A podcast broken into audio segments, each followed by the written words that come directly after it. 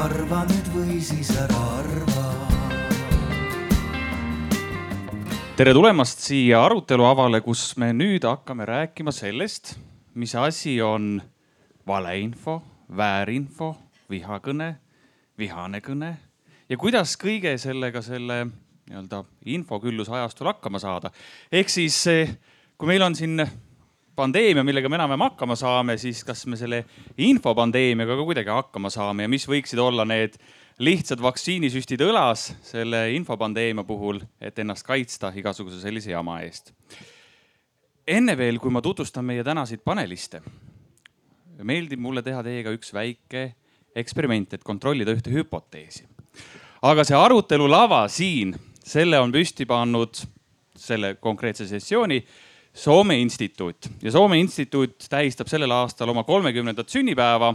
ja see teema, millest me täna räägime, on oluline nii Eestis kui ka Soomes ja kütab kirgi nii siin kui sealpool Soome lahte.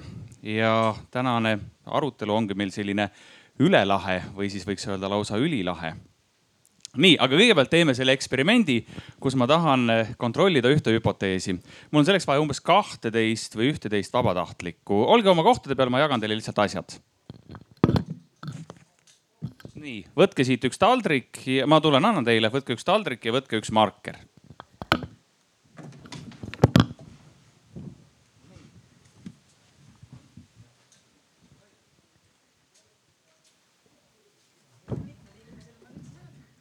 nii palju kui jagub.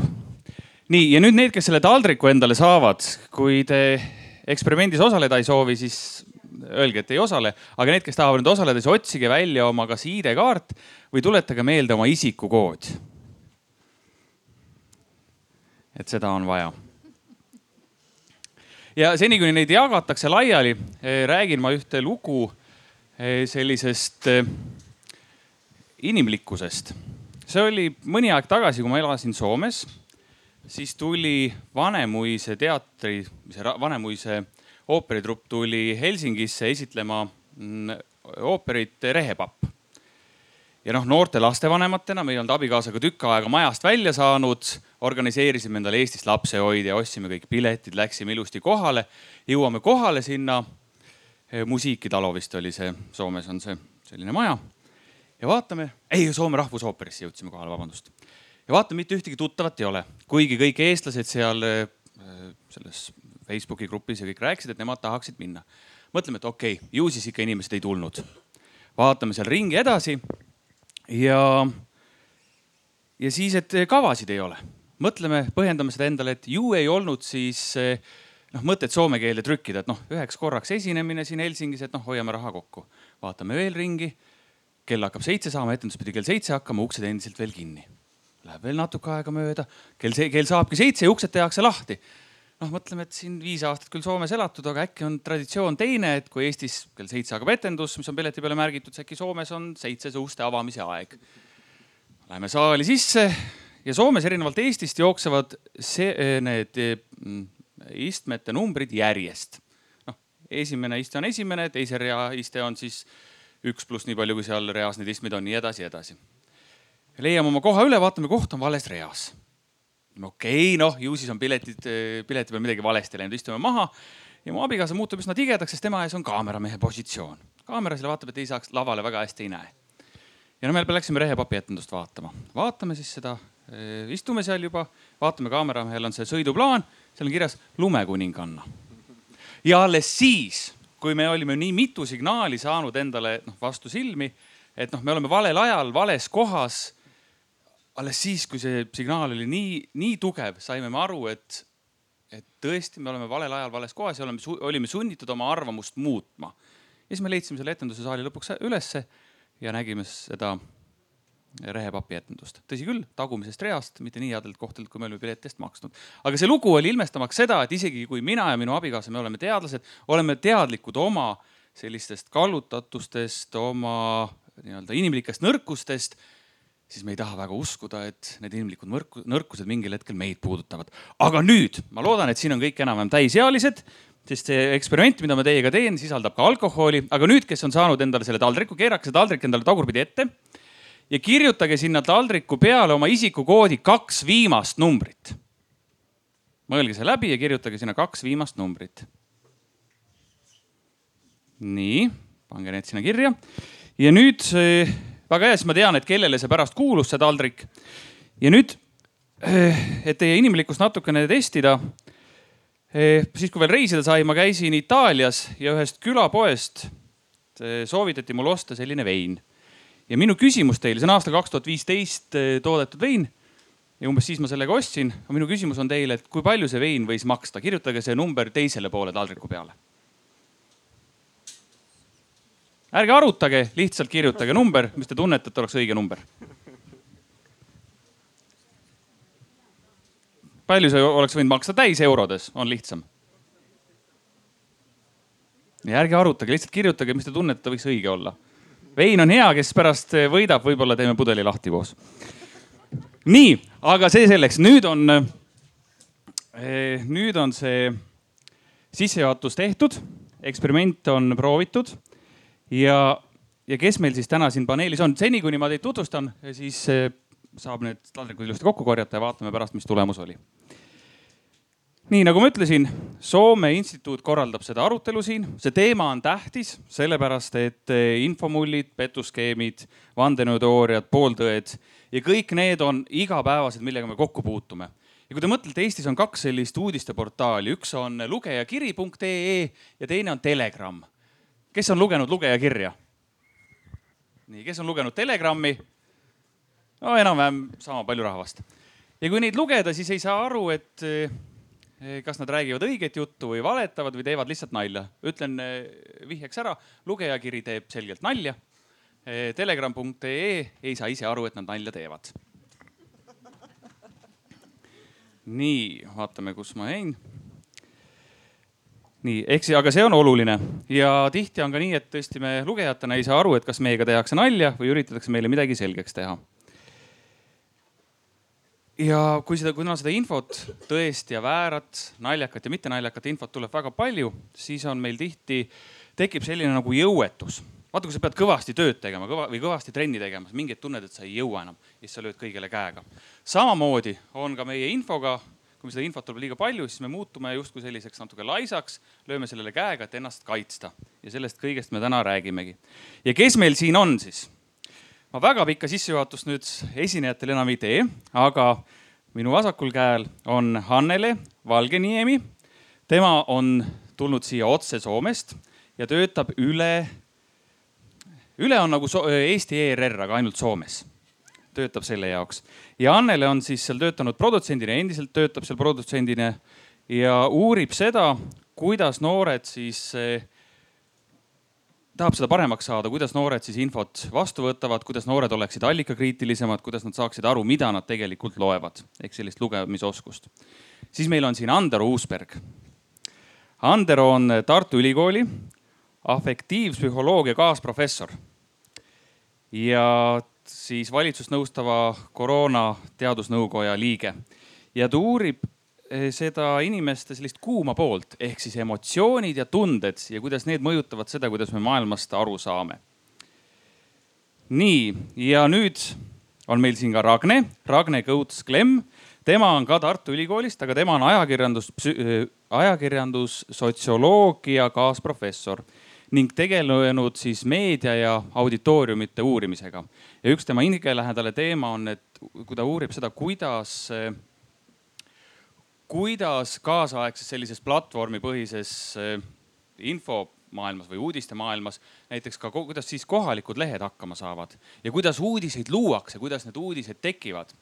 nii et meil on siin esindatud nii köögipool kui ka siis kanal, mida pidi see info liigub, kui ka lõpuks see kuidas seda kõike vastu võetakse. ja ega mul rohkem suurt midagi küsida ei, ei, midagi sissejuhatuseks öelda ei ole, aga ma küsin esimese küsimuse eh, siit eh, Hannele juurest alustame. kui hull see olukord tegelikult on? infodeemia olukord. infodeemia mõttes, kui haiged me oleme?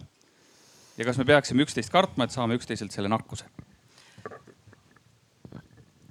olukord on hull, aga see ei ole lootusetu mul on nii pikk karjäär, kuna olen vana, nii vana, et olen alustanud ajakirjanikuna juba enne, kui internetti oli.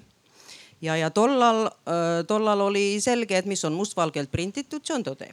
keegi on seda kontrollinud no siis tuli internet ja saadi aru, et ohohoo, et on midagi muid tõdesid ka ja on juurde infot ja see oli nagu suur vabadus.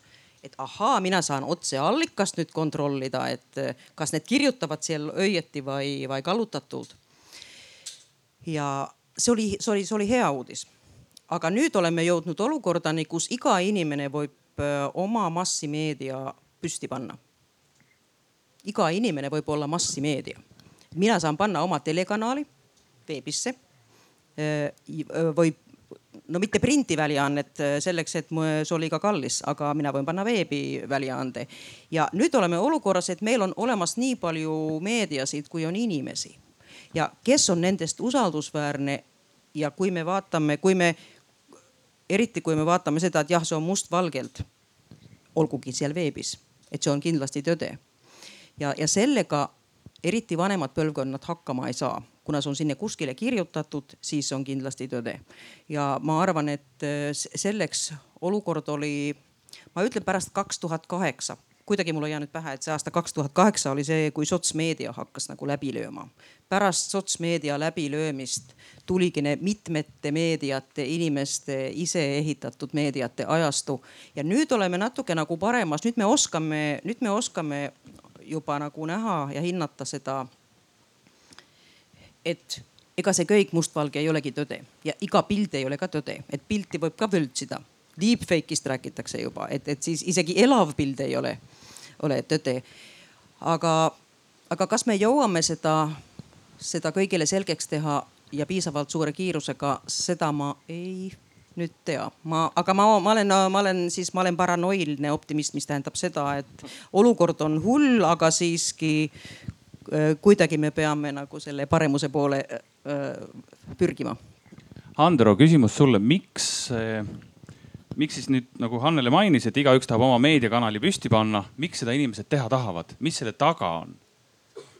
et miks üritatakse, miks igaüks üritab enda meediakanalit püsti panna, mis on tema motivatsioon? ma arvan, äh, motivatsiooni koha pealt on, on siin ilmselt midagi hästi üldinimlikku, et oma mõtete väljendamine ja, äh, ja, ja oma mõtete nagu kokkukõla kogemine teiste inimestega äh, on hästi motiveeriv. ja ma arvan, et võib-olla äh, oma meediakanali püstipanemise metafoor on isegi liiga kitsas praegu, sest selles infoteemias me kindlasti täpsustame võib-olla neid põhjuslikke mehhanisme veel, aga üks mehhanism nagu juba on osutatud, on ühismeedia ja, ja nüüd ühismeedia üks probleem on tõesti see, et, et sinna tekivad äh, probleemsed postitused, äh, mis ei, ei vasta tõele. Äh, aga see probleem ei, ei tooks halbu tagajärgi, kui ei oleks teist probleemi, mis on nende postituste levik. ja, ja nende postituste levitaja, see, kes ma olen Facebookis, vajutan millelegi like või, või, või share või mõnes muus ühismeediakanalis. et, äh, et ma arvan, et ma ei mõtle endast kui meediakanali loojast, vaid ma mõtlen endast kui, kui meelsuse väljendajast, kui arutelus osalejast.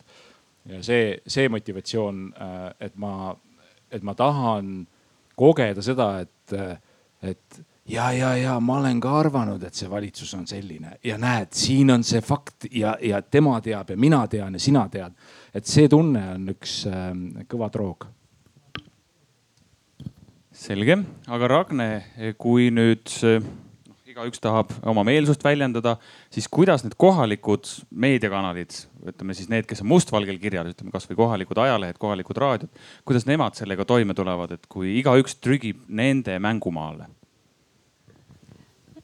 Jah, võib-olla siin ei olegi niivõrd küsimus äh, kohalikus tasandis, sest et äh, kohalikul tasandil on infot suhteliselt siiski lihtne kontrollida ja, ja ka kogukond äh, suhtleb omavahel ka väljaspool meediat, et, et teada, mis päriselt toimub ja, ja, ja mis on tõde ja mis mitte.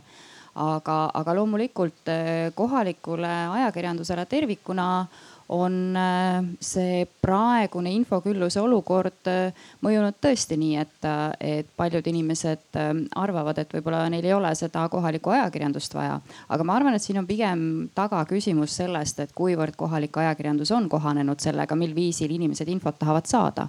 et tõepoolest paberlehte tellida ei taha kuhu sa selle paberi paned ja, ja miks sa seda kogud. aga kui ei ole ka välja töötatud selliseid Äh, atraktiivseid, lihtsasti kasutatavaid äh, digiplatvorme või üleüldse võimalust saada lihtsasti uudiseid, äh, siis noh, see on põhjus, miks tegelikult kohalikul ajakirjandusel on praegu raske oma sõnumit võib-olla tugevamalt esile tuua. nii et ma arvan, et see, need kaks asja on natukene jah, ei ole nii tugevalt seotud omavahel. aga nüüd jah, mõtleme natuke laiemalt, meedia on nagu meedia, sotsiaalmeedia, ajakirjandus, kuulujutud on ka ju meedia. et noh, minu vanaema rääkis mulle, on päris hea meediakanal aga mis teeb ajakirjandusest ajakirjanduse, kas sellist noh, mina igapäevast leiba teenin eh, Eesti riigi majandusliku julgeoleku hoidmisega, ehk siis eh, selle, tegelen sellega, et oleksid standardid, oleksid etalonid. aga kas ajakirjanduse jaoks on ka mingisugune standard olemas, et vaatad otsa, ahah, saad linnukese teha, linnuke, linnuke, selge. kõik, kõik eh, omadused on olemas, järelikult on tegu ajakirjandusega, ei ole lihtsalt meedia, ei ole lihtsalt see kuulujutt, mis küla peal levib ja loomulikult äh, ajakirjandusel on omad väga selged standardid ja võib-olla kõige täpsemalt on need kirjas Eesti ajakirjanduse eetikakoodeksis ja ka kõikides riikides on ajakirjandusel omal eetikakoodeksid, mis sõnastavad selle, mis asi on ajakirjandus, mida ta teeb, miks ta on ja, ja kuidas me aru saame, et tegemist on. aga ma olen selline rumal kuulaja siin, et, et jah, eetikakoodeks, suured noh, sellised dokumendid, ma ei noh, ma ei viitsi lugeda, ammugi, et ma ei oska neid lugeda. et siis noh, ütle mulle lihtsalt, mis on need asjad, kus ma tunnen ära, et noh, see on ajakirjandus ja see ei ole ajakirjandus. See kõige lihtsam võib-olla on näha sellest, et, et ajakirjandus üldiselt ei püüa inimesi äh, noh, niimoodi kuidagi agiteerida millegi poolt või vastu, vaid ajakirjanduse üks olulisemaid selliseid omadusi on püüda pakkuda võimalikult tasakaalustatud ja mitmekülgset infot ja, ja võimalikult objektiivselt seda teha. ja, ja see, et kuulujutte mitte levitada, on oma selline sisemine professionaalne kokkulepe, et tuleb seda infot kontrollida vähemalt kahest sõltumatust allikast. et tegelikult selliseid pisikesi asju, millest ajakirjandus lähtub, kui ajakirjanikud oma tööd teevad, on, on omajagu ja, ja tõepoolest võib-olla inimesele väljaspoolt tuntu, tundub kõige noh, arusaadavam see, et, et mind ei püüta väga emotsionaalselt ühe või teise poole ka, kasuks kallutada. Nonii, ehk siis ma võiksin siit teha sellise natuke meelevaldsema üldistuse, et kui uudistekanalis või selles meediakanalis on sõna uudis sees, siis see ei tee sellest veel ajakirjandust.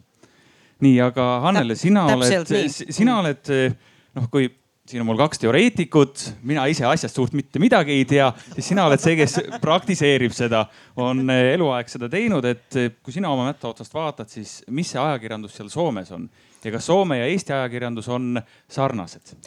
ajakirjanduse põhimõte on, on, on üldiselt väga sarnane. ma, ma paneks selle, selle eetikakoodeksi ühe, ühe lausega kokku, see on kontrollitud fakt, et see ei ole see ei ole, et keegi tõestab ka, et nii on, et kahest teise, teineteisest sõltumatust allikast, see on kirjutatud, see on kontrollitud fakt ja, ja siis, kui ma vaatan nüüd jälle seda väljaannet, sul on nüüd mingi veebisait, mis väidab, et mina olen leht, leht, leht või ajakirjandus, ajakirjandus, ajakirjandus.ee. sa vaatad, kas seal on vastutav väljaandja. vastutav väljaandja on see, kes läheb kohtusse, kui sina seal rikud seadusi. Kui seal ei ole vastutavat väljaandjat, siis see ei ole ajakirjandus keegi ei lähe kohtusse, sina võid mõnitada ja, ja, ja, ja solvata, sõimata. kui seal on vastutav väljaandaja, siis see on sa tead, et keegi läheb nagu trellide taga, mina olen produtsentina alati olnud see, kuna mina olen ka. sa oled sinna kinni pannud? mina, mina ei, no mina olen olnud see, kes oleks võinud kinni panna. ja ma olen nüüd, kui ma olen olnud produtsent ja ajakirjanik on, ma olen ka, me teeme seda omavahel ja ma, me ta, sellist nii-öelda line line'i tsekki, et kuhu allikasse, miks sa ütled seda ja seda ja seda. see on nagu uuriva ajakirjanduse põhimõte ongi see. ja ma ütlesin, et kui sina seda ei kontrolli, mina sinu pärast küll trellide taga ei viitsi minna. ja siis sa seda ei avalda. ehk siis eh, tuues siia selline natuke füüsikast ja mõõteteadusest paralleeli, siis kui sa lähed poodi ja paned selle õuna sinna kaalu peale ja see näitab seal kolmsada grammi, päris suur õun, siis see kolm, see tulemus, mis seal on, see on jälgitav niimoodi katkematut ahelat pidi, siis kilogrammi definitsioonini. ehk siis ajakirjanduses samamoodi, et kui sa lähed seda uudist pidi, allikat pidi ja jõuad mingi hetk sellele inimeseni, kes seda väidab algselt, selle faktini, kus ta algselt oli, ehk piltlikult öeldes saad kusagilt kellegilt nööbist kinni võtta. nii, aga küll allikast oleme nüüd natukene rääkinud. nüüd Ander, ma vaataks sinu otsa ja küsin, et mis kanaleid pidi kogu see noh, me saame aru, et mis on ajakirjandus, okei okay., aga nüüd, kui see minuni kõik jõuab, kõik levib, mis kanaleid pidi see infotulv, need uudised, valeuudised, see väärinfo, mis kanaleid pidi see võib minuni jõuda? jah, ma saan siin jätkata seda äh, analüüsi siis äh, noh, ennekõike ühismeedias käitumisest äh, ja, ja et ühismeedia puhul me siis äh, võime arvestada, et äh,, et seal uudisvoos on võib-olla siukseid kolmesuguseid äh, Äh, materjale, et on äh, üks äh, hulk infot, mis, mis ühismeedias liigub, on, on seesama uudis, eks ole, et see on omaette selline ajakirjanduse ärimudelite seisukohalt sihuke põnev, mõnes mõttes vastuoluline küsimus, et, et noh, väga sageli selle täiesti traditsioonilise meedia sisuni me jõuame täna külastades ühismeediat ja, ja see on suhteliselt ühemõtteline. võib-olla teine ühemõtteline asi on, on, on niisugused noh perepildid, et, et on hästi selgelt isiklik äh,. Äh, hästi selge sihukese autori äh, positsiooniga äh, mingisugune postitus. ja siis sinna vahele kipub jääma siis seda halli ala, mida ma arvan, me peame siis kõige probleemsemaks, et, et inimesed jagavad asju, mis, äh, mis siis noh, on justkui pretendeerivad sellele, et et, et nad on ajakirjandus, siin hästi tore oli minu meelest see paralleel ajakirjanduse ja mõõtmise vahel, et et noh, mõõtmise üks definitsioon on see, et see on nagu reaalsuse numbritega kirjeldamine. et, et, et noh, ajakirjandus on ka selle, sellest definitsioonist lähtuvalt ta on ikkagi reaalsuse kirjeldamine, et see, see, mis siis lugejakirja äh, eristab äh, Delfist, ei ole mitte see, et lugejakiri on naljakam ainult, vaid see, et, et, et, et, et Delfi väidab, et ta kirjeldab reaalsust. ja nüüd selles ühismeedia voos on, eks ole, mingisugused postitused, mille puhul noh, meie nagu kõrvaltvaatajana võime öelda, et jah, me teame, et nad ei kirjelda reaalsust Ähm, aga, aga et, et lugejana seal on nagu väga raske, väga raske vahet teha. Äh, ja, ja nüüd ähm, äh, see oleks nagu probleem juba siis, kui äh, nende postituste levik seal ühismeedias oleks, oleks lihtsalt sama sama sage kui kõigi, kõigi ülejäänud postituste leving, need kahe ülejäänud, et, et, et selgelt nagu uudise ja selgelt isikliku postituse levik, aga paraku on mõned mehhanismid, äh, mis panevad need äh, siuksed hallile alale jäävad postitused isegi paremini levima. et, et üks nendest mehhanismidest on äh, emotsionaalsus, et on tehtud umbes selliseid uuringuid, et kui võtta üks sihuke ühismeedia lõim, kus keegi ütleb ühe asja, ütleb näiteks, et et mida see Irja Lutsar ka teab. ja siis inimesed ütlevad teisi asju. Äh, üks ütleb, et Irja Lutsar on väga tark ja siis kolmas ütleb, et, et äh, midagi veel uut. et siis võime küsida, et millised nendest nagu kommentaaridest nendes lõimedes äh, on suurema tõenäosusega edasi jagatavad. ja selgub, et, et võib ennustada seda jagamise tõenäosust emotsionaalse intensiivsuse pealt. kui esialgne postitaja ütleb, et, et Irja, mida, mida see Irja Lutsar ka teab, et siis tema postitust jagatakse väiksema tõenäosusega kui seda kommenteerijat, kes paneb sinna vürtsi juurde. ja nüüd see tähendab seda, et see pilt, mida me ühismeediat kasutades näeme, on, on, on läbinud sellise nagu filtri, et äh, et, et me näeme neid kõige emotsionaalsemaid versioone sellest. ja teine mehhanism, mis siin hakkab mängima, on see, et kui me seda ühismeediat kasutame, siis me vaistlikult saame sellest turuloogikast aru. E, e, et isegi kui me seda endale ei teadvusta või sõnasta, me e, korjame üles selle, et, et mida ma pean tegema selleks, et saada tähelepanu.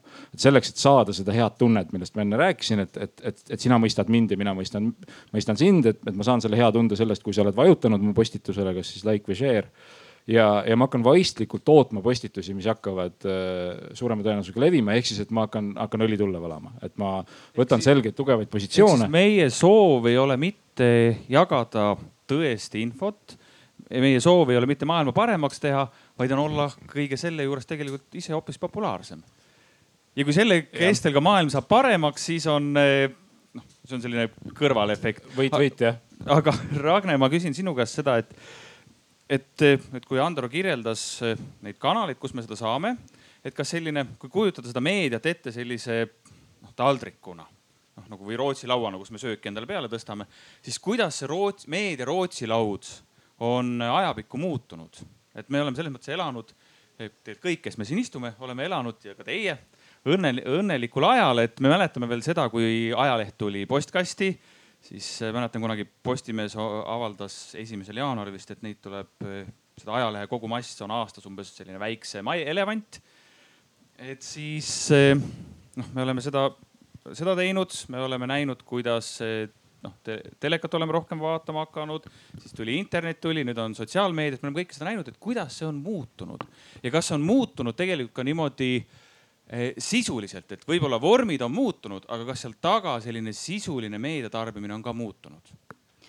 No tegelikult see muutus on olnud ju üsna pikaajaline ja, ja noh, mida me näeme, et ega ühe inimese selline meediamenüü või meediarepertuaar, see on suhteliselt selline harjumuspärane ja püsiv. et kui me vaatame ühe inimese meediakasutust, siis see nii väga kiiresti ei muutu. on ikkagi omad eelistatud kanalid, kui ollakse harjunud AK-d vaatama, siis seda tehakse veel ka mitukümmend aastat hiljem, kui AK on eetris. nii et, et ühe inimese tasandilt see muutus ei ole olnud väga suur ja äh, üldises, äh, üldine muutus on tõesti niimoodi olnud, et, et tegelikult need äh, inimeste meedia eelistused on ütleme, et suhteliselt erinevad. Neid erinevaid meediarepertuaare, mida me võime näha, kuidas inimesed kombineerivad oma kanaleid, mida nad jälgivad. Neid variante on hästi palju, kui me muidu saime rääkida, et jah, et meil on sellised teleri äh, äh, süvavaatajad või meil on lehehuvilised, siis praegu inimesed ikkagi väga teadlikult kombineerivad neid kanaleid, kust nad infot saavad. ja, ja ma selles mõttes võib-olla jah, oleksin ikkagi optimistlik nende meedia, meediarepertuaaride suhtes, et, et need kanalid, mida inimesed kombineerivad, need on väga erinevas funktsioonis. Nad teavad tegelikult, kust saada usaldusväärset uudist ja, ja see, kui nad jälgivad noh meie mõistes selliseid võib-olla natuke kaheldava väärtusega kanaleid, kasvõi seesama Telegram või, või mõni teine, siis seal on teised funktsioonid. seal inimene ootab hoopis midagi muud, ta ei lähe sealt infot otsima, ta otsib sealt selgitusi, mõttekaaslasi, kinnitusi oma kahtlustele. ehk siis seesama, vabandust, ma sulle vahele sõitsin, aga seesama emotsioon, millest Andero rääkis. nüüd Hannele, sa oled Soomest. nii kuidas eestlased soomlast ette kujutavad üldiselt? Hannele, kuidas nad kujutavad? no üldiselt soomlased on, kui eestlane on natuke emotsionaalsem või eestlane on emotsionaalne, siis soomlane on pigem selline vaoshoitum. kas see vastab tõele?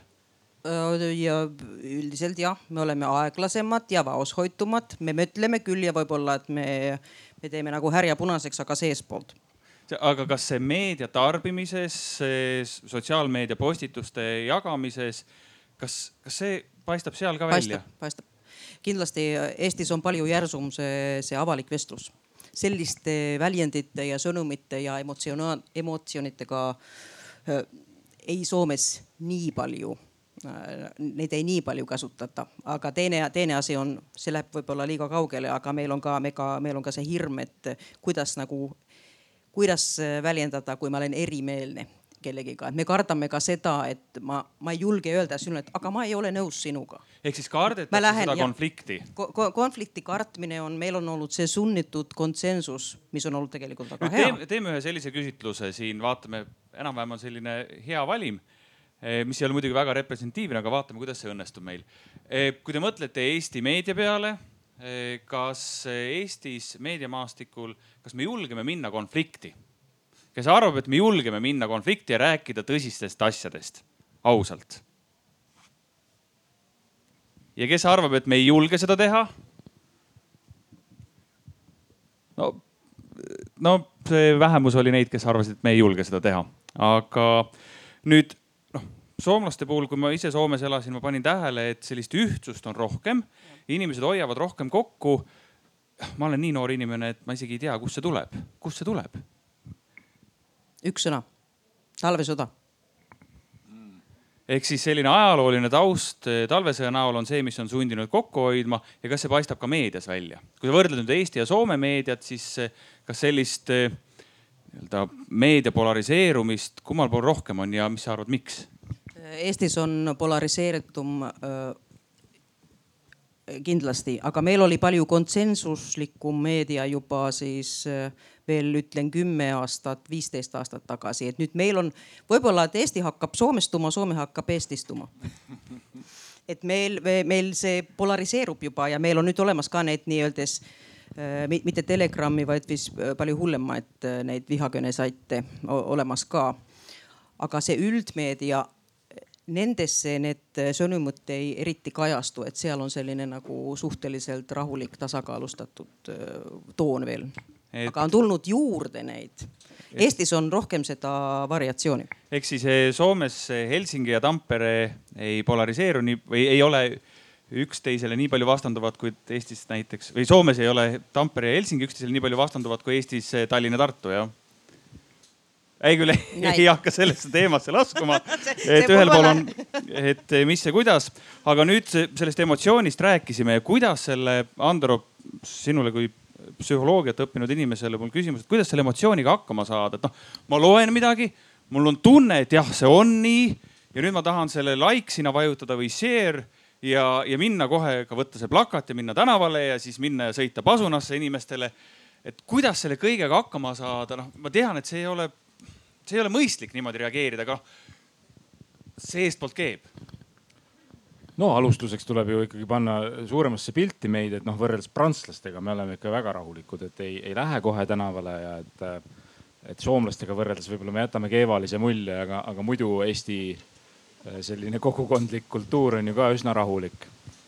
aga, aga kui tõsiselt rääkida, et siis ähm, noh, laias laastus võib sellised äh, sekkumised äh, selle probleemi leevendusse, mida me otsime äh,, jagada selles mõttes kahte lehte, et on, on osad sekkumised, mille eest vastutus lasub nagu igal inimesel, et, et, et, et ma omandan. ehk siis meil kõigil siin. just, et ma omandan mingisuguseid uusi oskusi äh, ja siis on teised äh, mis on ka vajalikud, mida ei tohi ära unustada, et mis on siuksed süsteemi tasandi sekkumised ja, ja kui me nagu, kui ma peaks ennustama, et millised on tõhusamad, et siis siis võib-olla need süsteemi tasandi sekkumised on tõhusamad. ma toon ühe näite mõlemast, et, et tõesti äh, on äh, mul inimesena võimalik äh, noh, mõnes mõttes ennast nagu kaitse pookida selle eest, et, et mina ei panustaks selle kulutule levikusse.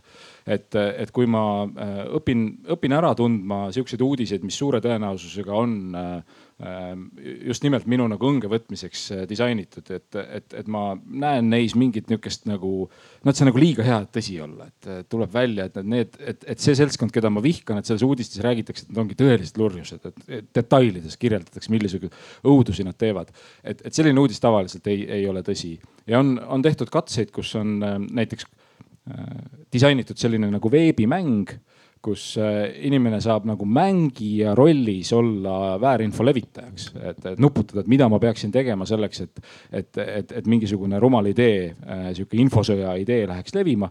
ja selgub, et kui ma olen seda mängu mänginud, siis ma pärast tunnen päris, päriselus ära neid, äh, neid võtteid hästi, nii et üks, üks suund, mida saab teha, on tõesti nagu noh, inimesi varustada tugevamate oskustega, sihukese haridusega, meediakirjaoskusega. no aga näiteks küsime nüüd otse jällegi, et noh, seal selles äh, päevakavas oli kirjas, et äh, nii-öelda töötuba algajatele.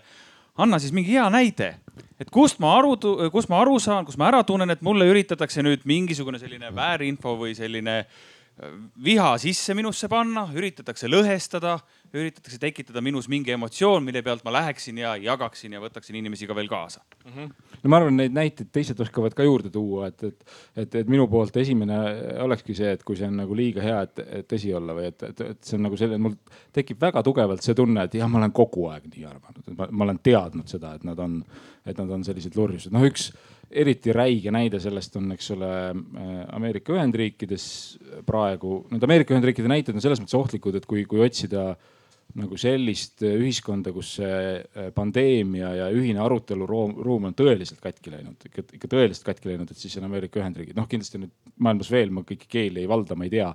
aga et noh, et Eestiga on, on, on õnneks meil nagu pikk-pikk maa minna, aga et, et seal on siis, eks ole, üks levinud konspiratsiooniteooria, mis, mis väidab, et, et demokraatliku partei, see on siis kahe partei süsteem, et, et demokraatliku partei esindajad on salajased pedofiilid.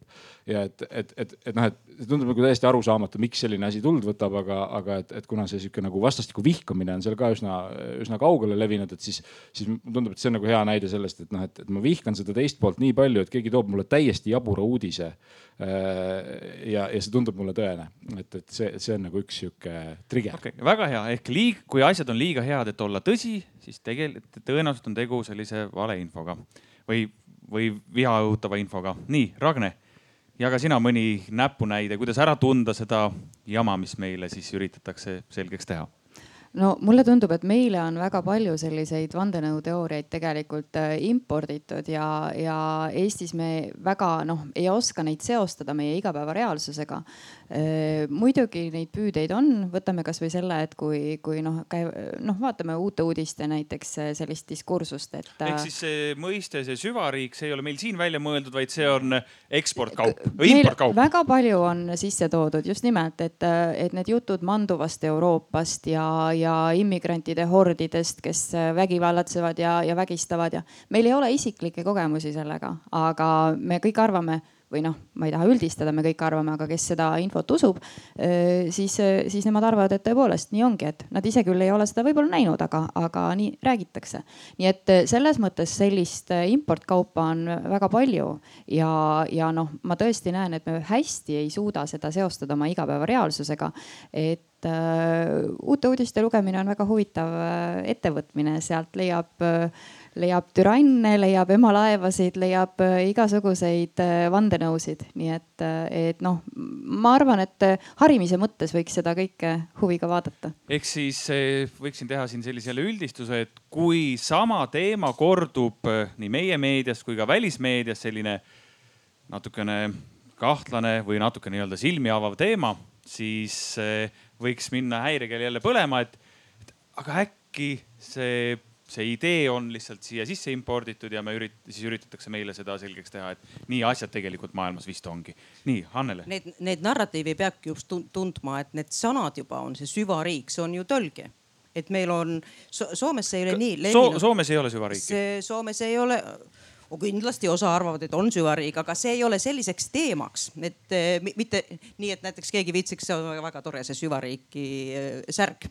ma tahaks ka endale seda, aga siis Soomes ka ütled, no mis jutt see süvariigi jutt nüüd siis, kes seda nüüd räägib, et et võib-olla, et meil ei ole seda kandepinda sellele, et meil on liiga suur usaldus ühiskonda, et keegi arvaks, et seal oleks nüüd mingi mingi süvariik, mis varjab minu käest asju, aga Eestil on küll väga lähedal see aeg veel. paljud inimesed meenutavad, et küll oli selline riik, kes tahaks salajasti sinu, vastu sinu töötada, vastu sinu huve, vastu kodanike huve. aga Ehk ma ütlen, ma, ma, kui sa, kui sa lubad, ma ütlen ühe toreda e-, näite selleks, et kui on liiga hea uudis ja mis siis toimus. mina olin produtsentina ja siis tuli vihje, et nüüd te peaksite tegema nagu mina olin selle Soome Pealtnägijas. et nüüd te peaksite tegema loo sellest, kuidas Espoo linn jagab igale pagulasele tasuta lastevankreid ja isegi kui on kaksikud, niisiis need ei anna, et ei, ei jätku ainult ühest, vaid annavad sellised väga kallid nagu kaksikuvangrid. ja seda juttu jagas tegelikult üks poliitik. ja, ja siis ma mõtlesin, et okei okay,, nüüd hakkame siis selgitama, et kas, kuna poliitik jagab seda, et eks me arvame, et poliitikud ju kontrollivad oma fakti. eks me teame, et poliitikud seda ei kipu tegema. no ja... ehk siis, et kuna nad on siis eks öelda riigitüürile nii lähedal, nad on seal riigikogus. Need on saanud et infot. ju nad teavad. Nad ju teavad, jah nüüd teavad ja siis hakati selgitama. ei, see ei vastanud üldse tõele, ei ole mitte midagi sellist, et me ei isegi saanud nagu aru, et kust see jutt oli läinud ja, ja siis äh, jälle oli see inimene ühenduses, me ütlesime, et me ei saa sellest lugu teha, kuna, kuna me ei saa sellele tõendeid ja vastus oli see, et te varjate. Te varjate, te mädanev, mäda, mädataja, mädataja on see soome keeles see, et, et te olete mädandaja, mädandaja, mädandaja ja et Rahvusringhääling on see mädandaja, kes, kes ei julge öelda tõdet. aga see tõde oli liiga igav see tõde oli see, et see ei, ei, kui sa kontroll, no vana ajakirjaniku reegel on see, et kontrolli fakti, sa kaotad hea loo. Ja käis nii.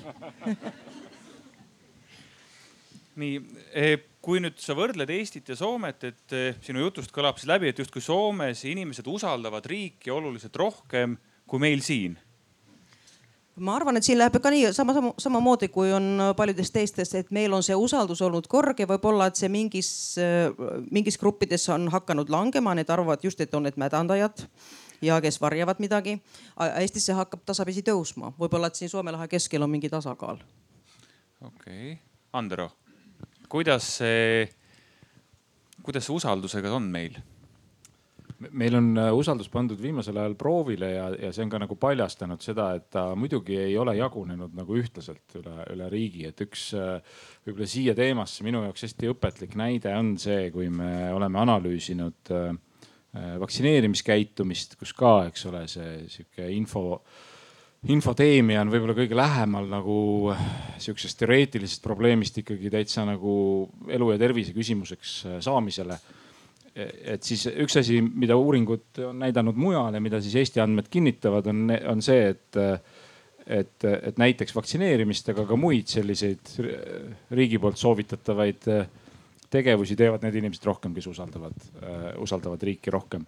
ja, ja Eestis selgub, et noh, ilmselt üsna arusaadavatel põhjustel on meil vene keelt kõnelev seltskond, kes uh, ei, ei usalda seda Eesti Äh, Eesti riiki nõnda palju kui, kui eesti keelt kõnelevad inimesed, see muidugi ei ole äh, kõikide selliste grupivõrdluste puhul tasub meeles pidada, et see, mis ma just ütlesin, ei tähenda seda, et kui sa võtad iga viimase kui eestlase, siis sa võid olla surmkindel, et ta usaldab riiki rohkem kui iga viimane kui, kui vene keelt kõnelev inimene, sugugi mitte.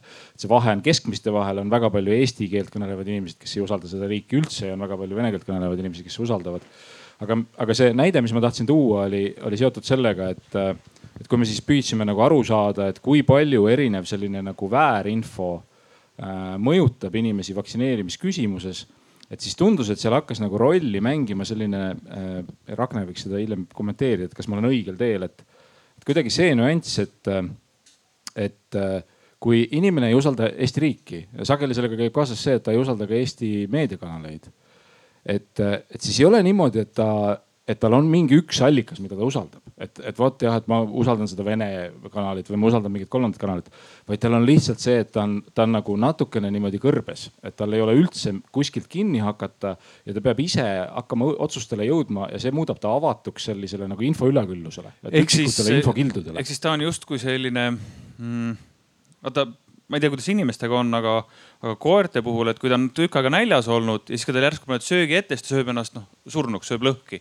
et kas siis inimese puhul samamoodi, et kui ta on selles noh teadmatuses, selles infonäljas, ta tahaks mingit kindlustunnet ja siis kes iganes talle seda pakub, ta siis selle ahmib täiega endasse ja tehes endas, endale selle info in,, endale liiga selle info endasse ahmimisega või siis on see nagu selle võrra, selle võrra keerulisem, et ta nagu erinevalt koerast ta nagu teab, et osa sellest toidust on paha aga, aga ta ei, ta ei tea, kuidas ma teada saan, mis on paha, et ta on nagu, et ta on selles mõttes selle nagu laua ees võib niimoodi oma saba nagu taga ajama jäädagi, et, et ja, ja noh, lõpuks muidugi ta toetub eh, ikkagi võib-olla oma lähedasematele inimestele ja kui nemad juhtumisi ei aja kõige targemat juttu, et siis ta, siis ta nagu satub segadusse. ehk siis, et vanemate patud nuheldakse laste kaela et kui vanemad ei oska meediat tarbida, usuvad vandenõuteooriaid, siis on suur tõenäosus, et lapsed lähevad ka sellega kaasa. või sõprad, et sõprade patud nuheldakse sõprade kaela, et kui su sõbrad on nagu halva meediadieediga, et siis ole ettevaatlik. Ragne, aga sulle sõna. ma natukene võib-olla sellise lihtsustava käsitluse vastu tahaks öelda, et tegelikult äh, me siin oleme nüüd viimastel aastatel teinud neid uuringuid, äh, et teada saada, miks inimesed kaotavad äh, usu või miks nad enam ei usalda neid nii-öelda peavoolu meediakanaleid ja, ja miks nad hakkavad otsima alternatiivseid kanaleid, siis tegelikult siin on need põhjused väga erinevad ja, ja väga tihti muidugi inimesel võibki olla eelsoodumus äh, öö, otsida sellist noh, ka alternatiivset infot, saada maailmast alternatiivselt aru. aga need põhjused on noh, mõne, mõne, mõne jaoks on hirmutav see, kuidas meedia käsitles eelmise aasta märtsist alates kogu seda koroona olukorda. Nende jaoks oli see hirmutav, neid hirmutati selle, selle tulevikuga. siis on inimesed, kellele siin aastal kaks tuhat viisteist kogu see pagulaste käsitlus üld, üldkanalites ei sobinud ja hakkasid vaatama, et kas, kas on siiski teisi kanaleid, mis räägivad asjadest teistmoodi. ja tegelikult sellised inimesed, nende põhjused on hästi erinevad ja, ja tihti noh, mida nad iseenda kohta ütlevad, et, et ega nad on perekonnas ka nii-öelda need mustad lambad, et nad mõtlevadki teistmoodi. et ei pruugi sugugi olla nii, et, et see on selline nagu pesakondlik, vaid, vaid pigem see ongi selline individuaalne asi.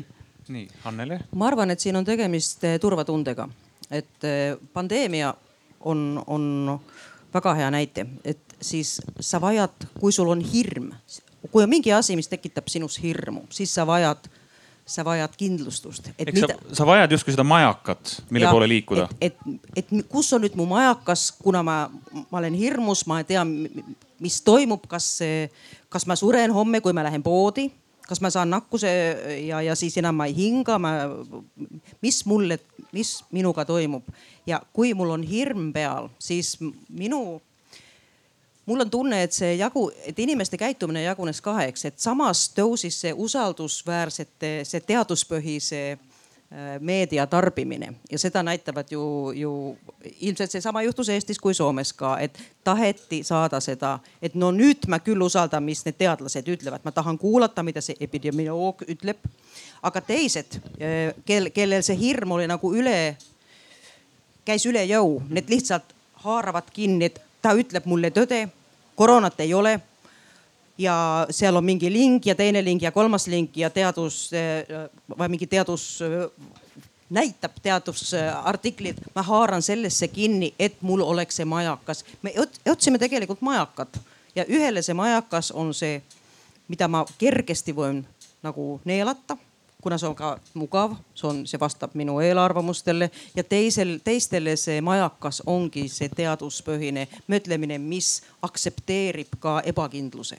Ja siin alguses oli kõige hullem asi oligi see ebakindlus, teadlased ise ka ei teadnud, kuidas kuidas see paganama koroonaviirus käitub ja muutub ja tuleb äh, variante ja see, mis oli täna, võib-olla ei ole homme.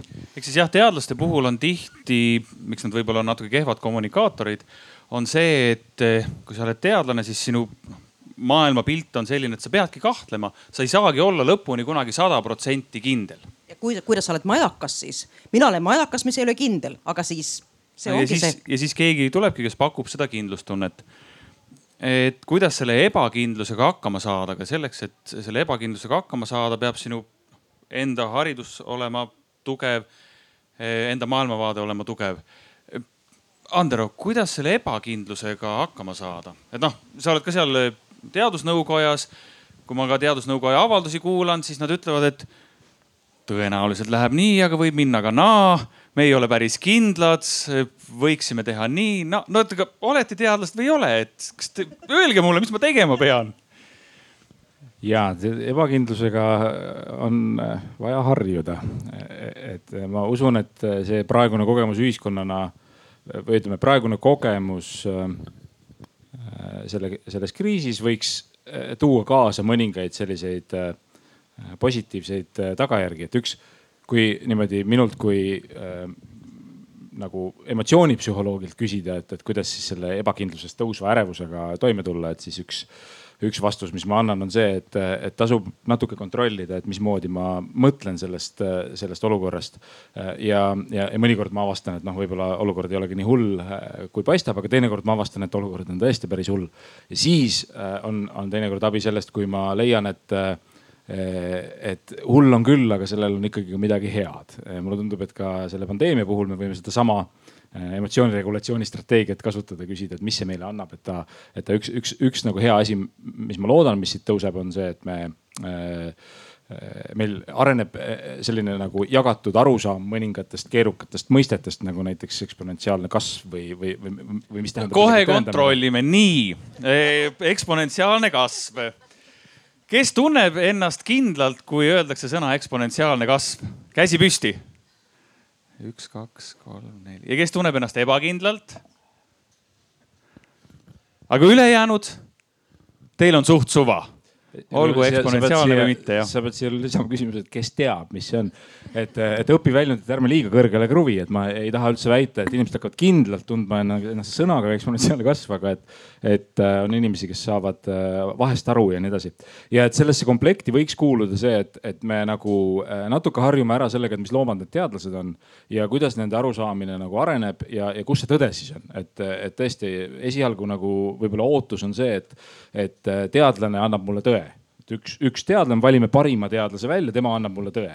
ja siis selgub, et noh, et tegelikult teadlased ei ole kunagi nagu sellele alla kirjutanud, et teadlased on öelnud, et, et me mängime omavahel seda teaduse mängu ja, ja et ilmselt me äh,, keegi ei tea, mis see tõde on, aga mõnekümne aasta pärast, kui me surnud oleme, et siis te oskate öelda, et kellel meist nagu õigus oli, et me nagu kollektiivselt tuleme, tuleme selle tõe, tõe ligi. et, et see on äh, selle otseselt su, su küsimusele vastuseks, aga ma tahtsin siia lisada küll seda, et äh, et uuringute järgi tõepoolest on nõnda, et kui äh, ajad on segased ja mul on isiklikult sihuke tunne, et, et ma ei saa väga mõjutada seda, mis minuga juhtub siis äh, selline tunnetuslik vajadus mingisuguse selguse, just sihukese nagu selge seletuse järele, isegi kui ma ei suuda nagu selle seletusega midagi praktilist peale hakata. et see kasvab ja, ja see on üks põhjus, miks vandenõuteooriad kipuvad lokkama sellistes olukordades nagu, nagu näiteks koroonapandeemia. et, et me oleme sattunud olukorda, kus, äh, kus meil on väga raske seda olukorda kontrollida. ja, ja, ja siis äh, mulle tundub, et, et psühholoogiliselt meile pakub äh, sihukest nagu turvalisust see, kui äh, sellele segasele sündmustikule ähm, tekib keegi põhjustaja. see on miski, millele ma olen viimasel ajal äh, nagu mõelnud, mul ei ole nagu lõpuni nagu seda seletust, et, et, et miks, miks see nii on, aga, aga et kuidagi tundub, et psühholoogiliselt meil on nagu lihtsam mõista selliseid äh, sündmusi, mida on keegi põhjustanud. Äh, kui sellised sündmused, mis põhju, sünnivad kuidagi ise, iseenesest, et noh, üks, üks lihtne nihuke ajalooline näide on ikkagi see, et meil läks, eks ole, tükk aega, et, et et äh, oma mõtlemises vabaneda sellest ideest, et tormi ja vihma põhjustab keegi et kuskil on keegi agentne, noh, nimetame teda jumalaks või millekski, et, et, et noh, et nendel asjadel on, kuskil on keegi, kes põhjustab.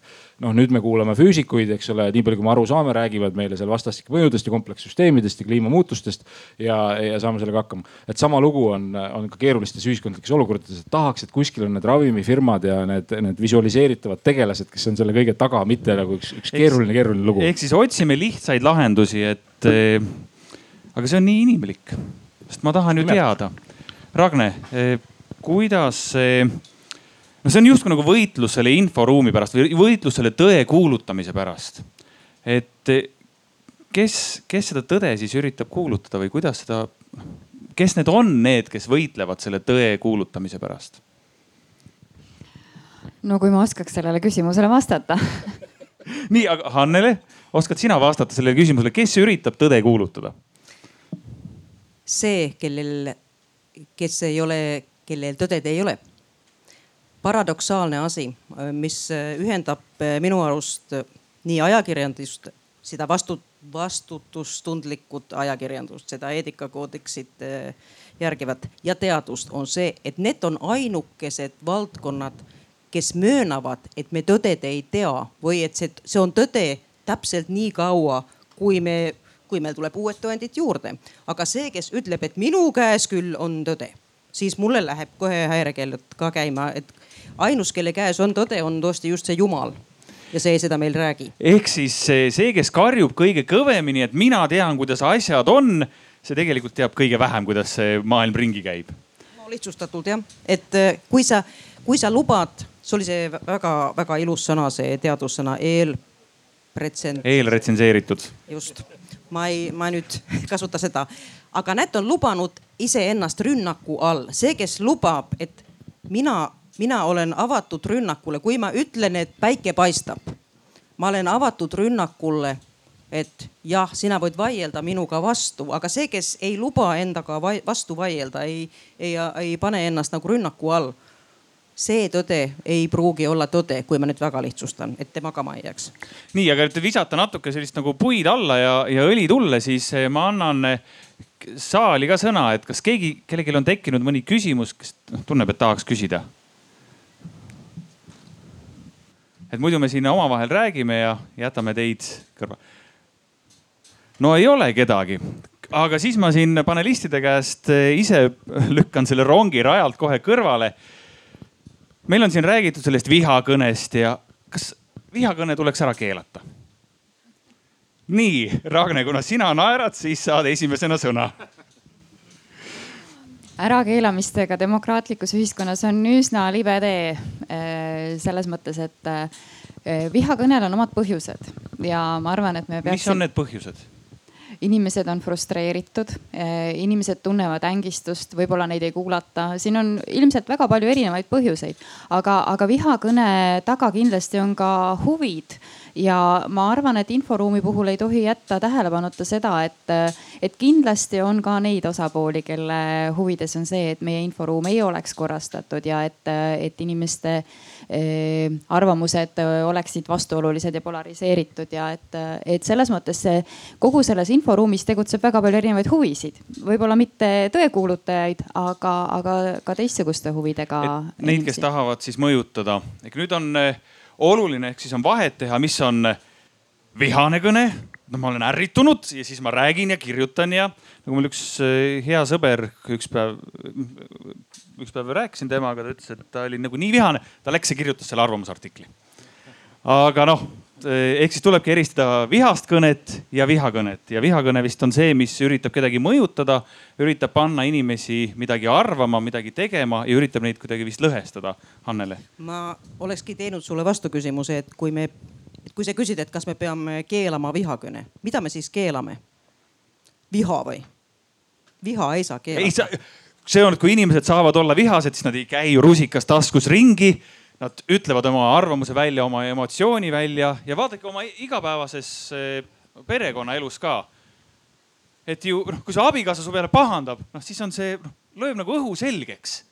Noh, ta elab ennast välja, siis saate rahulikult rääkida. teiselt poolt on väga keeruline käia niimoodi ringi paari suhtes kodus, kus, kus teine justkui on su peale pahane, sa ei saa aru ka, mis tal häda on. aga noh, ei lasta nagu seda emotsiooni välja siin on äh, paar, paar täpsustust. üks täpsustus on see, et see, mida sa just esitasid, seda nimetatakse katarsise teooriaks nagu vihast ja see ei pea paika. et, äh, et äh, kindlasti on hästi oluline rääkida asjad läbi.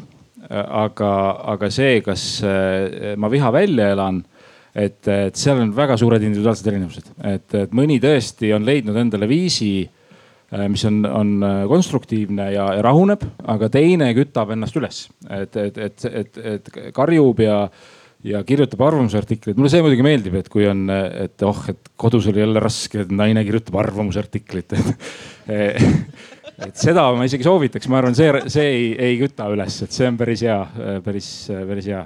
see oli üks täpsustus ja siis teine täpsustus on see, et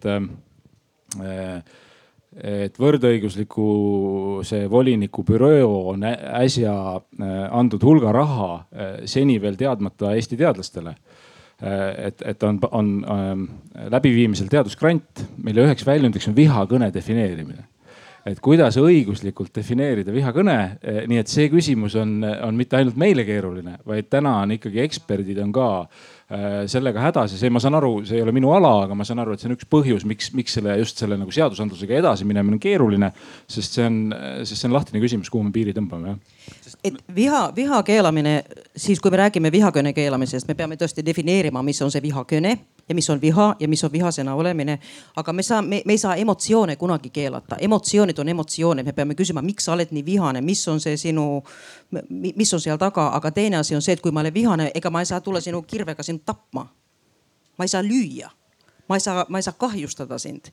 Kui ma oleks vihane, ma ei saa, ma ei saa ja ma ei saa seda teha ka veebis, ma ei saa teha seda sõnaliselt, ma ei saa rünnata et mida ma selle vihaga teen, kuhu ma selle vihaga lähen? Ja sellest meil on olemas küll seaduses piirid. E, rahva, mis see oli, rahva gruppide viha õhutamine on keelatud ja, ja, ja mõnitamine on keelatud ja, ja valede levitamine on keelatud, nii et selle viha väljendamise viise on igasuguseid juba keelatud aga viha keelamine sellel teel, kui me läheme ja paljud arvavadki, et vihakõne keelamine tähendaks seda, et sind püütakse vaigistada. Sellest ei ole küsimus, mind ei püüta vaigistada, vaid sind ei püüta vaigistada, vaid püütakse teha seda, et siit kirvega teist tappa tap, tappama ei lähe.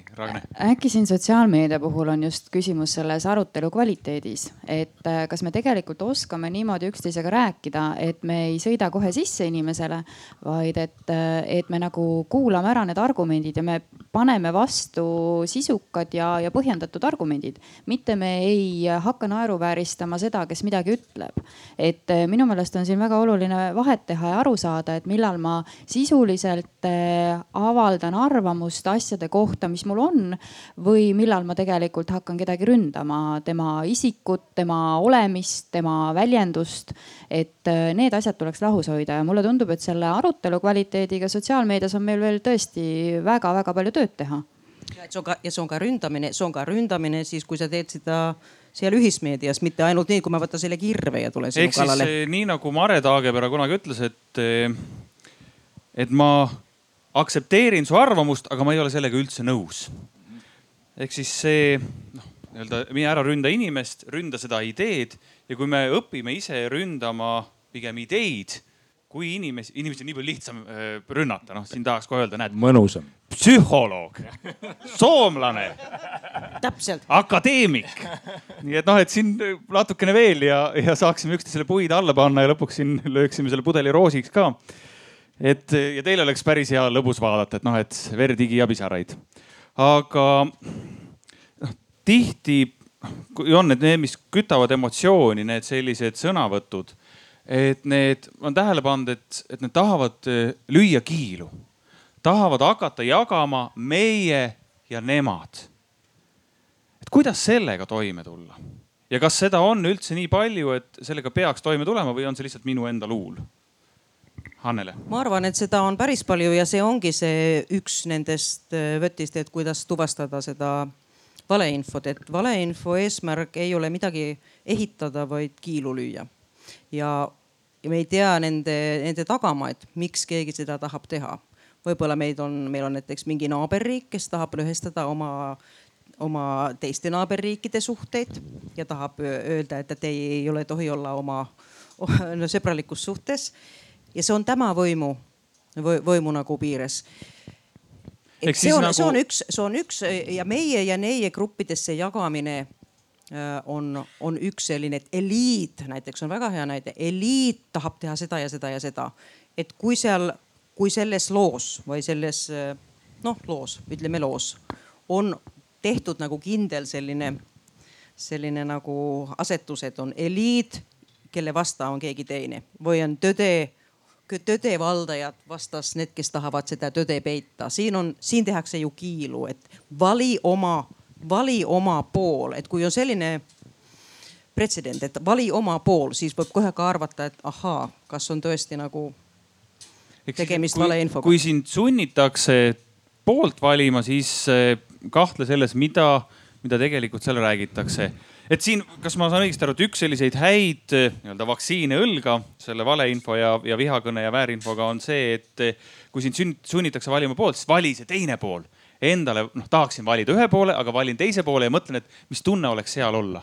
mis tunne oleks seal, noh selles grupis olla, kas, kas see võiks toimida? Äh, ja sellel on nagu selline nagu psühholoogiline mehhanism on sees, aga, aga, aga mure on mul selles mõttes ikkagi suur et, ähm, et et see on äh, selline nagu abinõu, mis eeldab äh, tahtlikku käitumist inimese poolt.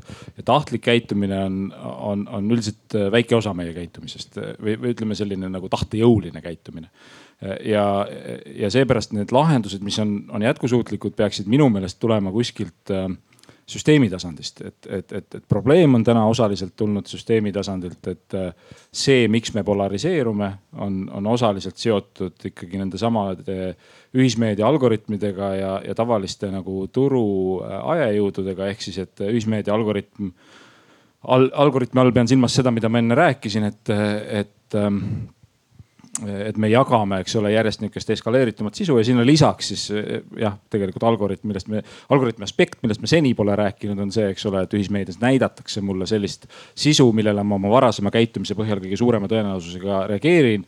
ja kui ma olen reageerinud, eks ole, sisule, mis on, on polariseeriv varasemalt, et ma olen, olen, palju, palju tegelenud kõigi Irja Lutsari postitustega, et siis, siis näidatakse mulle edaspidi teda ja, ja inimestele, kes on mingil muul moel reageerinud, näidatakse teisi asju, me kasvame, eks ole eraldi inforuumidesse, mis on, mis on minu hinnangul tõesti väga-väga ohtlik ja mulle tundub, et Eestis on sellega täna veel hästi ja, ja et, et, et ma ei ole äh, meediaseadusandlusega kuidagi kursis, aga, aga et mu üleskutse küll oleks, oleks sellest nagu kümne küünega kinni hoida, et, et meil jääksid Eestis need äh, meediakanalid, mida isegi võib-olla kergelt nagu hambad ristis, aga mida inimesed nagu tarbivad. no mulle tundub, et ma ei tea, AK tänaval on selline, et, et vaadatakse AK-d, öeldakse, et see on loll uudis ja see on loll uudis, aga ikka vaadatakse.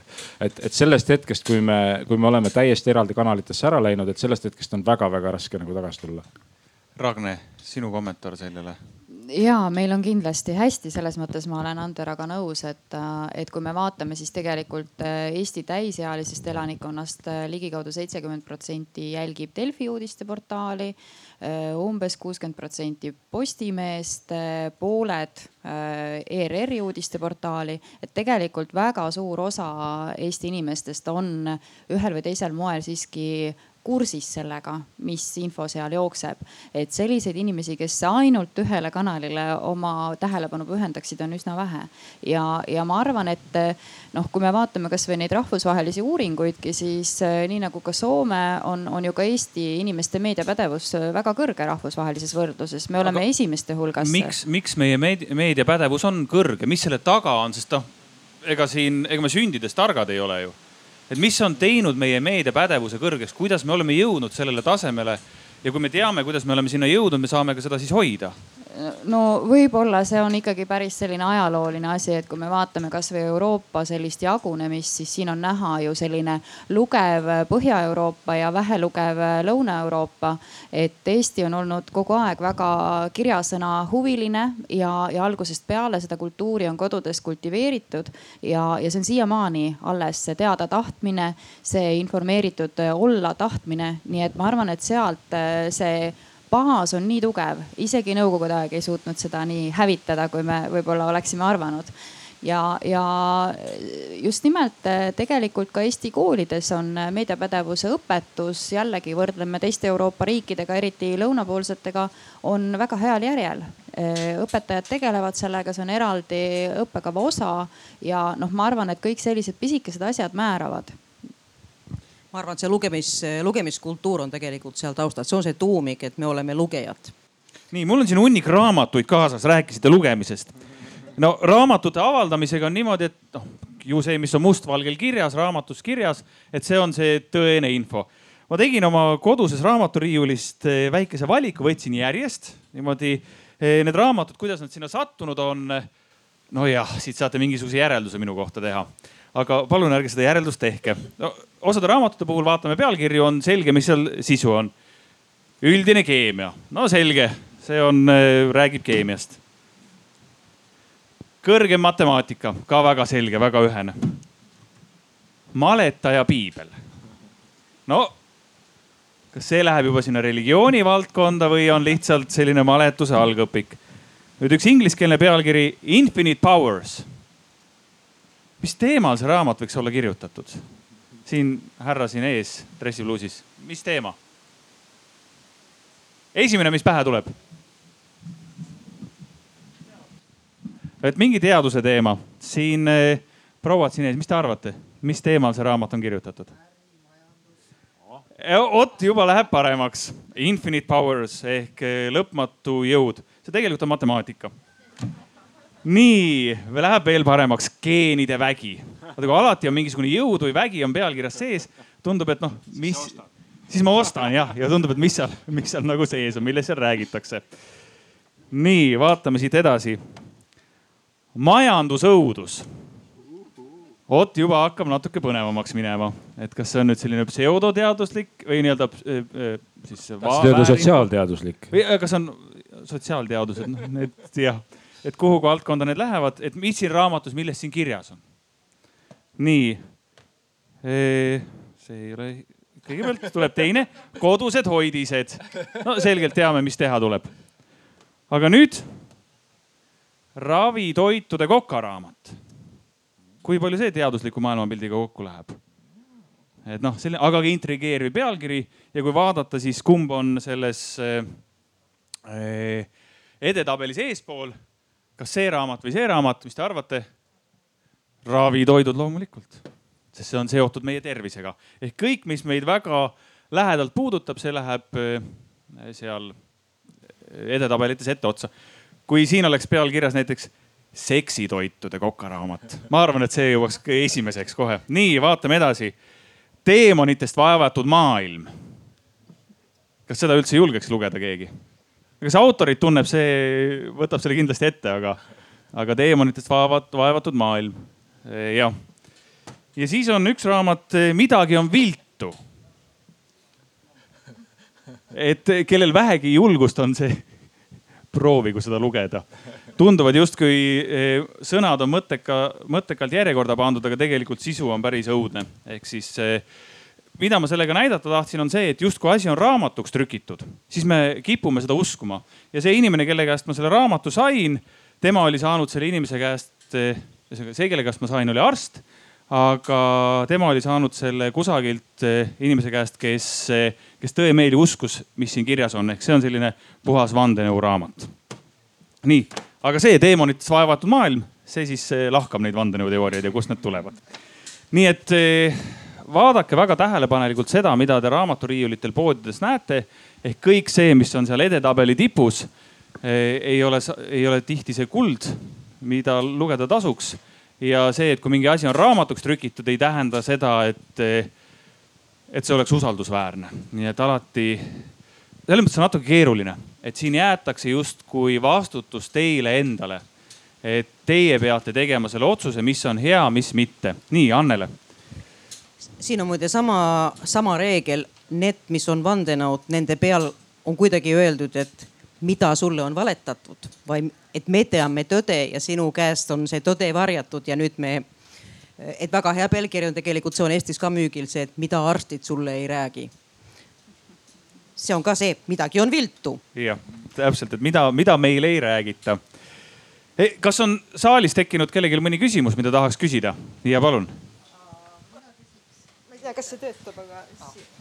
aitäh, Diana Vaudel olen ja tahtsin tegelikult veidi ennem, ma ei saanud vahele öelda, kui te rääkisite vihakõnest siis kas see viha on selline emotsioon, et tahan rusikaga lüüa, tahan midagi ära lõhkuda, et on hetkeline minu jaoks seostub see vihakõne või selline negatiivsus internetis vihkamisega, mis on palju statsionaarsem, palju külmem tunne.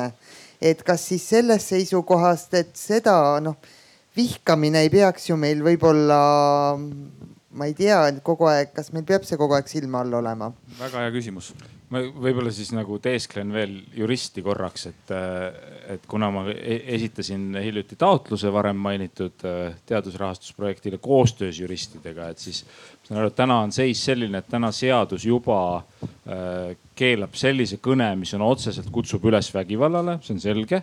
aga nüüd on küsimus selles, et kas äh, seada piir ka, ka sellisele kõnele, mis siis äh, on agressiivne. tõepoolest vihkamine on seal kindlasti nagu hästi oluline element, aga defineeriv tunnus on siis see, et, et ta on agressiivne mingi inimese suhtes mingi tunnuse alusel, mida see inimene ei saa valida. et selles mõttes, kui sa ütled mulle, et, et, et te psühholoogid olete kõik mingisugused, siis see on okei okay,, sest ma ise valisin selle aga kui sa ütled, et tead need hallide silmadega inimesed, et neid ma vihkan, et siis see, see on problemaatiline. nii nagu rass, nii nagu sugu on ju äh, ja, ja muud sellised. et see on see juriidiline definitsioon ja selle üle käib see arutelu.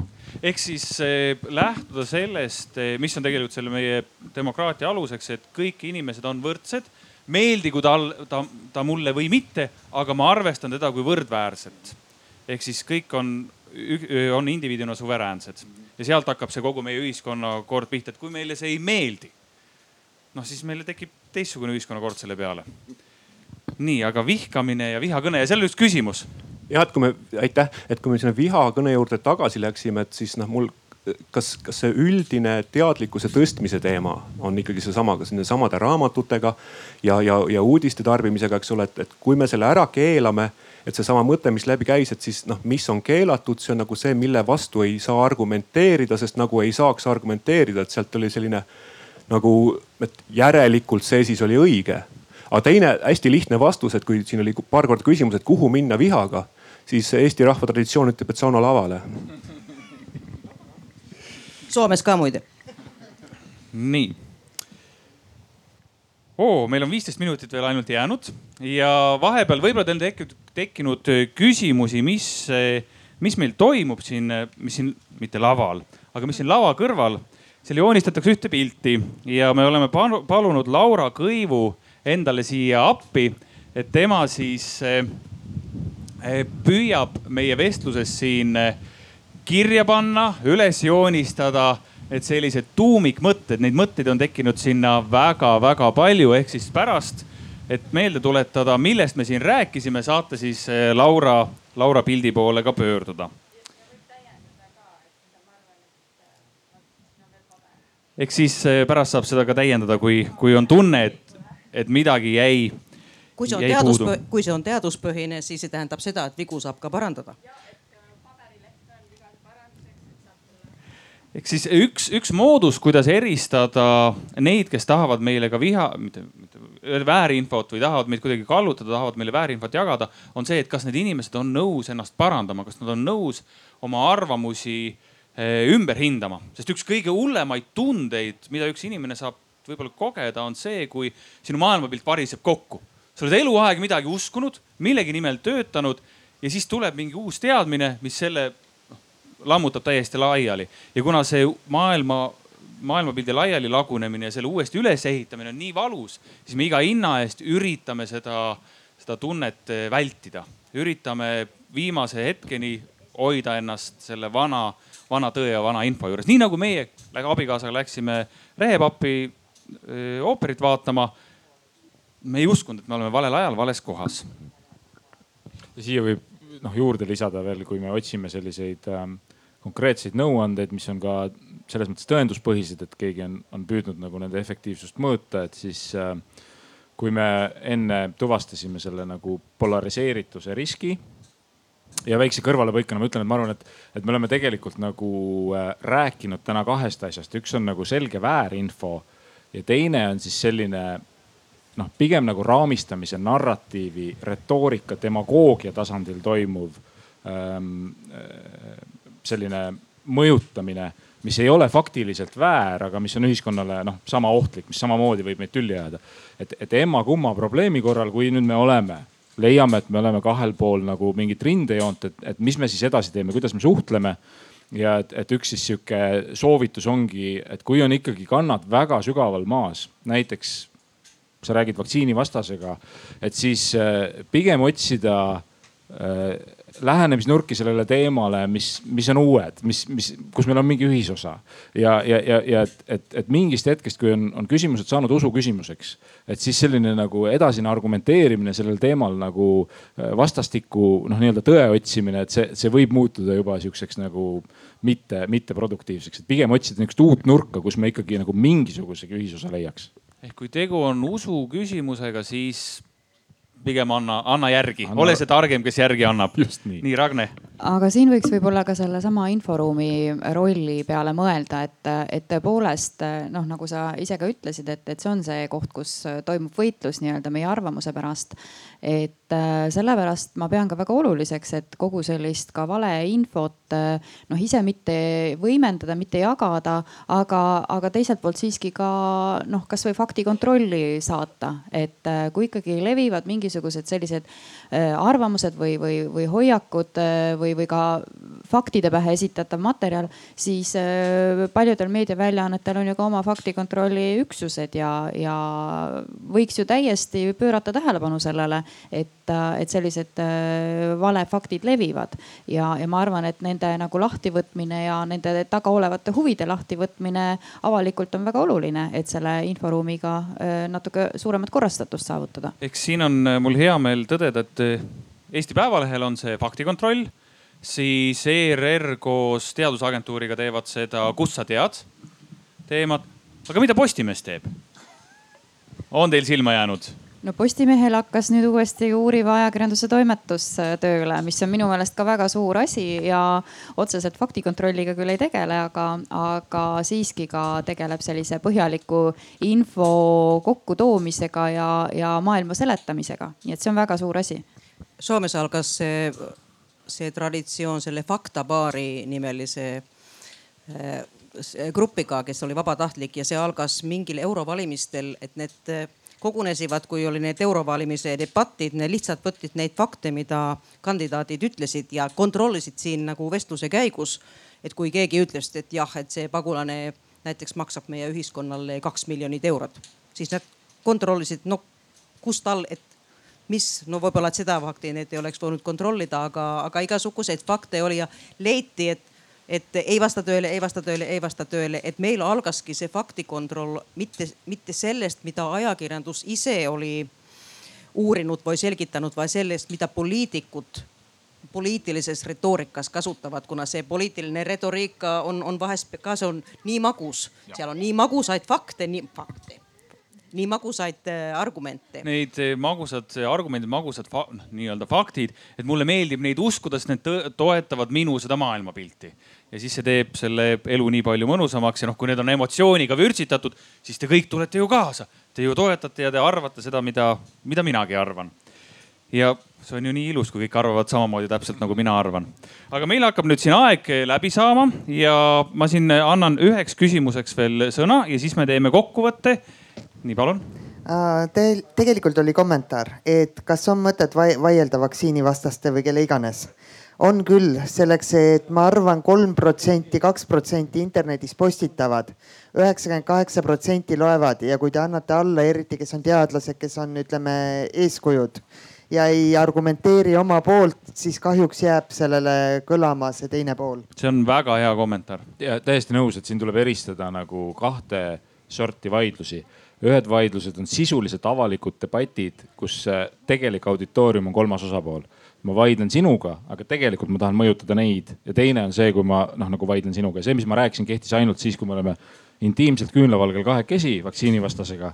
aga niipea kui meil on publik, et siis tõesti mina teadlasena pean kindlasti hoolitsema selle eest, et nagu valefaktid ümber lükata ja, ja töötada jah, väga-väga nõus. aitäh selle täpsustuse eest. ja üks asi, mida tihti me kipume jälle inimesena andma nagu seda tõesemat või tõe poolt sellele, kes paremini esineb. et noh, teadlaste puhul noh, kuidas sa teed vahet introvertsel ja ekstravertsel teadlasel? introvertne teadlane vaatab enda kinganinasid, ekstravertne sinu kinganinasid, kui ta sinuga räägib. ja noh, tihti need, kes eh, on noh introvert või noh, sellised nagu tüüpiline teadlane, noh ta ei suudagi suhelda nii veenvalt kui mõni selline eh, väärinfo, valeinfo levitaja või lamedame teoreetik. nii et noh, õigus ei ole mitte sellel, kes paremini esineb, vaid see, kellel on tõesed eh, faktid ja fakte saab alati kontrollida. Ja lõplikku tõde ei ole mitte kellelgi, aga nüüd on minu pakkumine teile, et teeks sellise kokkuvõtte siin ja see kokkuvõtte mõte on see, et kuna me oleme lubanud seal infotahvli peal, et me anname need eh, näpunäited, kuidas siis selles info ülekülluses, väärinfos, vandenõuteooriates, eh, vale, valeuudiste maailmas, vihakõne maailmas, mis üritab meid polariseerida, kuidas selles hakkama saada. et siis eh, käime kõik kolm läbi ja saab igaüks öelda kaks, maksimaalselt kolm mõttetera, mida siis anda siit inimestele kaasa. nii et, aga nüüd tuleb teil kehastuda selliseks parimaks esinejaks üleüldse, anda selline lihtne eh, soovitus, lihtne nipp, millega minna siit nüüd järgmiseid arutelusid kuulama ja seal märgata seda, kuidas teid üritatakse ühele või teisele poole kallutada. nii. Jah, täpselt. Nii et vaatame siis publiku kinganinasid. Andero, palun. Mina keeldun provokatsioonile allumast, ma olen ikkagi aastakümneid olnud ülikoolis selleks, et ma saaks lubada endale seda, et ma ei pea hästi esinema, et ma et ähm, aga kaks soovitust, üks soovitus oleks noh, sisuliselt nagu mõtle enne, enne kui, enne kui jagad, enne kui reageerid. et, et meil on üsna universaalne äh, aju, mis, mis suudab paljud mõjutusvõtted läbi näha, kui meile antakse aega et on, on põhjus, miks kaubanduskeskuses müügimehed tahavad, et sa otsustaksid seal ja kohe. et see põhjus on, on, on selles, et kui, kui sa võtad aega, siis sa jõuad ratsionaalsele otsusele, et see oleks nagu üks soovitus, et võtta endale aega. hommik on õhtust targem või et maga kaineks? jah ja., need on ka head soovitused. ja teine soovitus on see, et, äh, et tasakaalustada seda äh, nagu isiklike soovituste otsimisel äh, tekkivat väärmuljet, nagu meie üksi vastutaks Äh, et ma, ma soovitaks meil äh, nõuda poliitika muutusi, mis, mis reguleerivad näiteks ühismeediat. et, et, et ühismeedia oleks kohustatud näiteks libainfot äh, sildistama, et nad oleksid oma algoritme kohustatud avalikustama ja nii edasi ja nii edasi. ehk siis, et selline kodanikuaktivism selles osas, et me ei võtaks seda paratamatusena, mida need algoritmid meiega teevad. Ragne ja mina soovitaksin kõigepealt läbi mõelda, millised kanalid minu meediamenüüsse kuuluvad ja äh, uurida, kas need on ikka usaldusväärsed, kas nad tõepoolest ka edastavad faktilist infot, nagu me siin alguses rääkisime. et äh, fakte kontrollitakse minimaalselt kahest allikast et äh, kui te selle tuvastate, siis pange need oma menüüsse kirja ja, ja tarbige neid vastavalt vajadusele suhteliselt regulaarselt nagu head ravimit. ja, ja kui võimalust ja märkate, et on tegemist valefaktidega või, või ka valekäsitlusega, siis noh, näiteks ajakirjandusväljaanded alluvad eneseregulatsioonile, nende peale on võimalik kaevata, kui nad asju valesti kasutavad, käsitlevad. nii et, et olge aktiivsed ja julged kodanikud ja, ja ka sekkuge ise siis, kui on märgata, et on, on valeinfot. ja teine pool tõepoolest kindlasti äh, teiega tahetakse siis manipuleerida, kui äh, midagi väga emotsionaalselt ja, ja, ja jõuliselt pakutakse, kasutades mitte väga neutraalseid sõnu, sildistades kedagi, pakkudes ainult ühepoolset infot. et siis võiks ka nagu selline kahtlus tekkida, et kas asjad ikka on nii, nagu neid tahetakse näidata. väga hea ja Hannele mul osaliselt sama, loomulikult, kuna meie mõtte, mõtted käivad käivad sama rada umbes. ma, ma, ma lihtsalt ütleks, nii nagu ma ka siin noorte, noorteprojektides olen teinud, vaata, kes ütleb, küsi, kes seda sulle räägib, kes ütleb, on, on see lihtne küsimus. kust see info tuleb ja siis võid minna juba kaugele ja, ja võib-olla, et see on natuke, natuke teaduslikult ka raske, et kas need teaduslikud artiklid näiteks on just äh, õigetest kanalitest või kas see on lihtsalt nagu pseudoteaduse kanalitest. aga igal juhul küsi, kes seda ütleb ja lähe selle tausta, tausta vaatama, et kas see on selline, äh, selline isik või organisatsioon, kes lubab enda tõdet, vaid seda argumenti rünnata. et see on avalik, et see on ründamisele avalik nii raske kui see on. ja teine on siis, et julge, julge olla igav, julge ole, ole igav. et kui see on tore ja magus ja, ja selline oi kui nüüd on tõesti selline uudis, millega ma saan populaarseks ja kõik mind armastavad, kui, kui ma ütlen midagi tõesti põnevat ja ma olen parem, parim juturääkija julge olla igav ja, ja tee, tee sedasama nii nagu ajakirjanik, kes teeb ühe kontrollikõne ja siis kaotabki oma hea loo väga hea, aitäh ja nüüd ma teeksingi siit kokkuvõtte ah,, meil oli eksperiment ka. ma pean äh, ütlema, et äh, mõt-, et see eksperiment kukkus selles mõttes läbi, et siin on oluliselt targemad inimesed kui tavaliselt, kui ma seda eksperimenti teen. ehk siis eh, eh, miks ma palusin inimestel kirja panna selle oma ID-kaart või selle isikukoodi viimase numbri, on see, et see justkui seadis ankru ja nüüd selle veinipudeli hinda küsides eh, on tavaliselt see veinipudeli hind korrelatsioonis selle numbriga, mille nad kirjutasid selle ID, isikukoodi viimase numbriga. siin ei olnud. nii et selles mõttes äh, aitäh teile, et minu hüpotees sai ümber lükatud siin seltskonnas ja ma loodan, et me olime täna siin surmigavad. nii et, et siis äh, kui me olime mesimagusad ja teile väga meeldivad, siis me ei saanud oma ülesandega hakkama. nii et veel kord suur aplaus meie äh, panelistidele ja kohtumiseni juba järgmisel aastal.